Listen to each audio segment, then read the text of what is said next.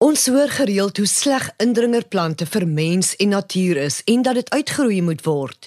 Voorbeelde is rooikraans, die Paul Jackson en black wattle om net 'n paar te noem. 'n Plant word geklassifiseer as 'n indringerplant as dit deur die aksie van die mens toegevoeg is in 'n area of gebied waar dit nie voorheen natuurlik voorgekom het nie.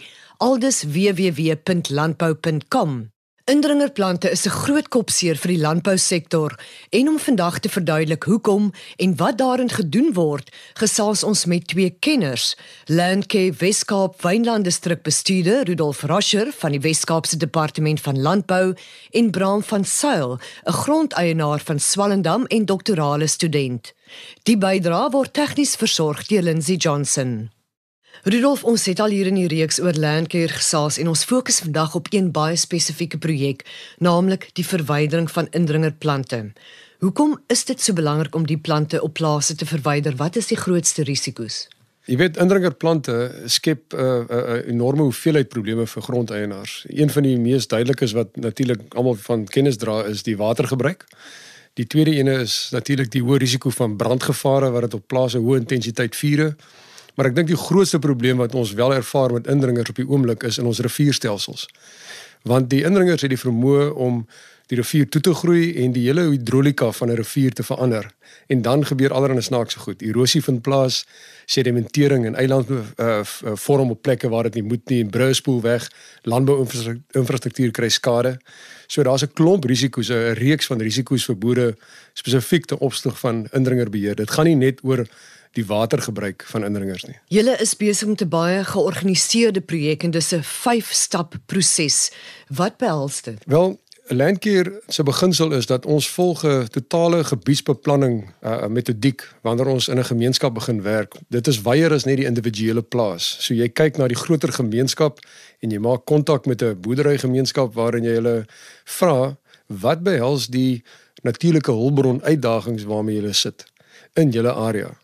En dit is 'n redelike wye veld, maar dit kan enigiets wees soos indringers, maar ook erosie of brandgevare, droogte, uh vloedrisiko's. So ons kan uh, met 'n gebiedsbeplanning saam met die grondeienaars identifiseer wat is hulle behoeftes in hulle area om aan te spreek en nadat hierdie geheel beplanning gedoen is, begin ons dan uitbeweeg na 'n plaasvlak toe waar ons plaaskaarte teken en beplanning op 'n plaasvlak doen. Natuurlik in aggenome wat aan die ander kant van die grensdraad plaasvind en dan kom projekimplementering na vore wanneer jy probleme geïdentifiseer het om dit juist dan aan te spreek. En wat is die verband tussen klimaatsverandering en indringerplante? Die probleem wat ons mee sit is dat uh, die indringerplante se groei tempo is net wanneer die temperature verhoog, natuurlik die waterverbruik uh, wat hulle het en dan ook die tempo waarteen hulle versprei. Met die gevolg is ons verloor baie van ons natuurlike biodiversiteit as gevolg van die indringers wat dan nou sekere opvanggebiede in totaliteit oorneem. En dit het 'n direkte verband tussen patrone van groei wat ons ervaar met klimaatsveranderinge en weerpatrone wat begin verander. En natuurlik dan nou omdat ons ervaar dit spesifiek in die Kaapse wynlande, ons kry ons reënval 'n paar maande bietjie later. En dis gewoonlik hoë intensiteit reënval oor 'n baie korter periode wat die reën dan plaasvind. En as gevolg daarvan omdat die indringers die riviere blokkeer, en jy het hierdie hoë intensiteit kort reënvalkies wat plaasvind, het ons baie meer vloedskade wat wat wel gebeur in ons riviere. Bram, jy het eerstehandse ondervinding van die skade wat indringerplante kan aanrig.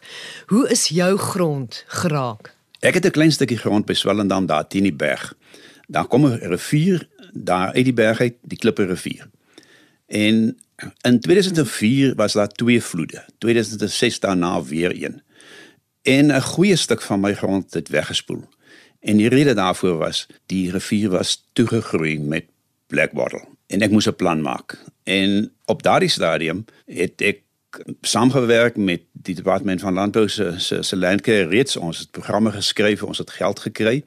Ons het 'n maatskappy gestig, 'n nuwe winsgewende maatskappy binne die vallei en almal van ons het saamgewerk om die vallei skoon te maak van blackwattles. Dis my so mooi jy praat van die vreugde van herstelde grond. Hoe lyk herstelde grond? Daar is wel en dan uh, ehm, Suibrugse omgewing is Henry Berry.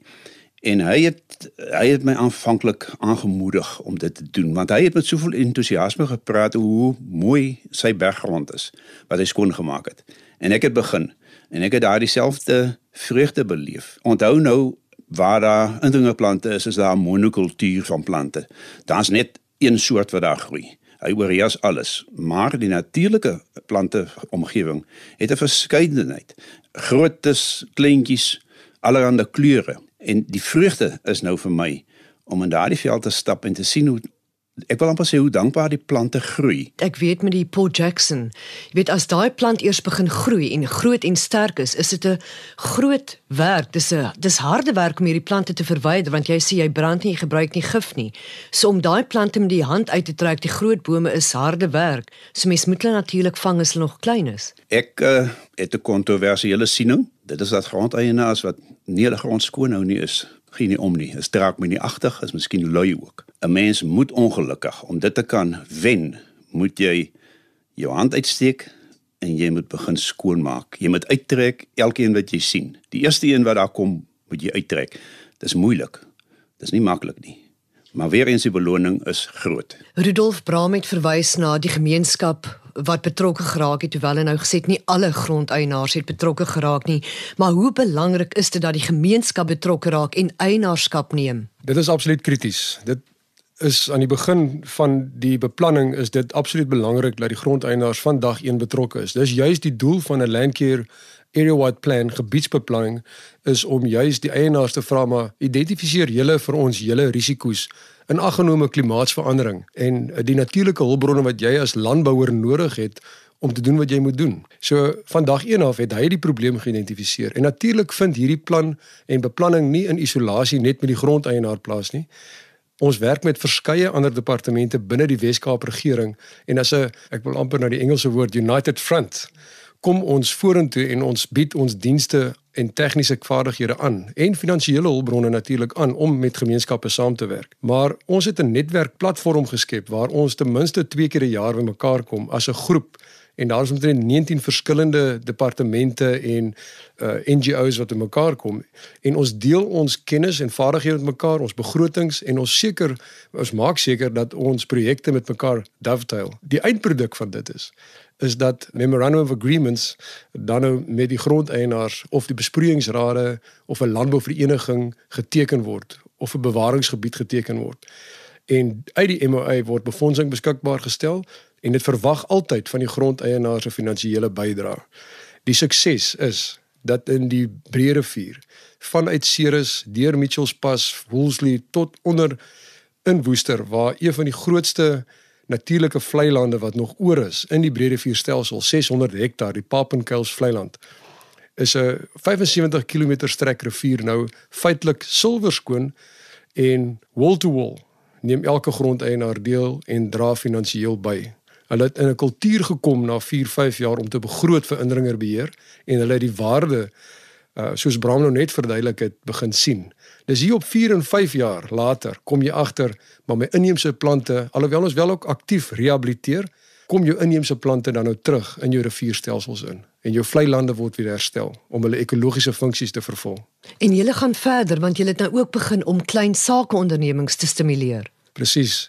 Ons kan nie net die indringers beheer nie en ons kan nie net die biomassa in die rivier los nie. Nou eerder as om dit brand te steek, moet ons iets met hierdie energie doen wat beskikbaar is in die riviere. Braam juis passievol oor gemeenskapsprojekte en wil die boodskap uitdra dat indringerplantbeheer nie so moeilik is nie. Hoe gaan jy dit doen? Ek weet nie. Die gemeenskappe wat ek graag wil bereik is die grondeienaars.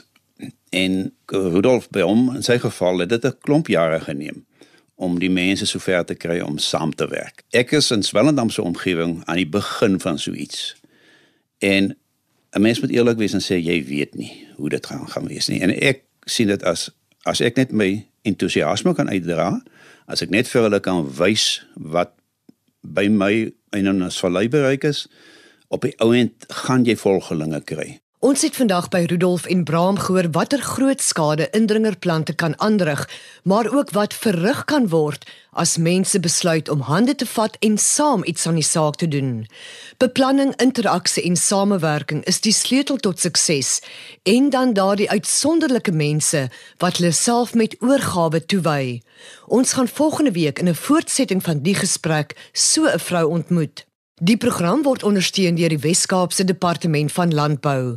Ons groet, onthou die aarde is kosbaar, kom ons bewaar dit.